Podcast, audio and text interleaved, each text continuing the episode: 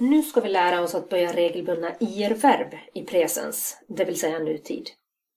I exemplet använder vi verbet vivir som betyder att bo. Ändelsen som hör ihop med jag är å, Du, s. Han, hon, e. Vi, imos. Ni, is.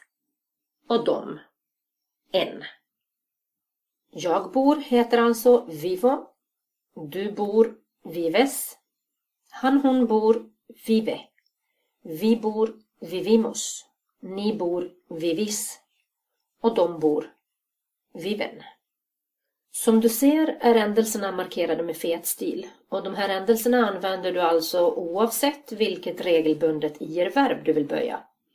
Exempel på andra regelbundna ir-verb som du kan öva på att böja är escribir som betyder att skriva, permitir som betyder att tillåta och abrir som betyder att öppna. Lycka till!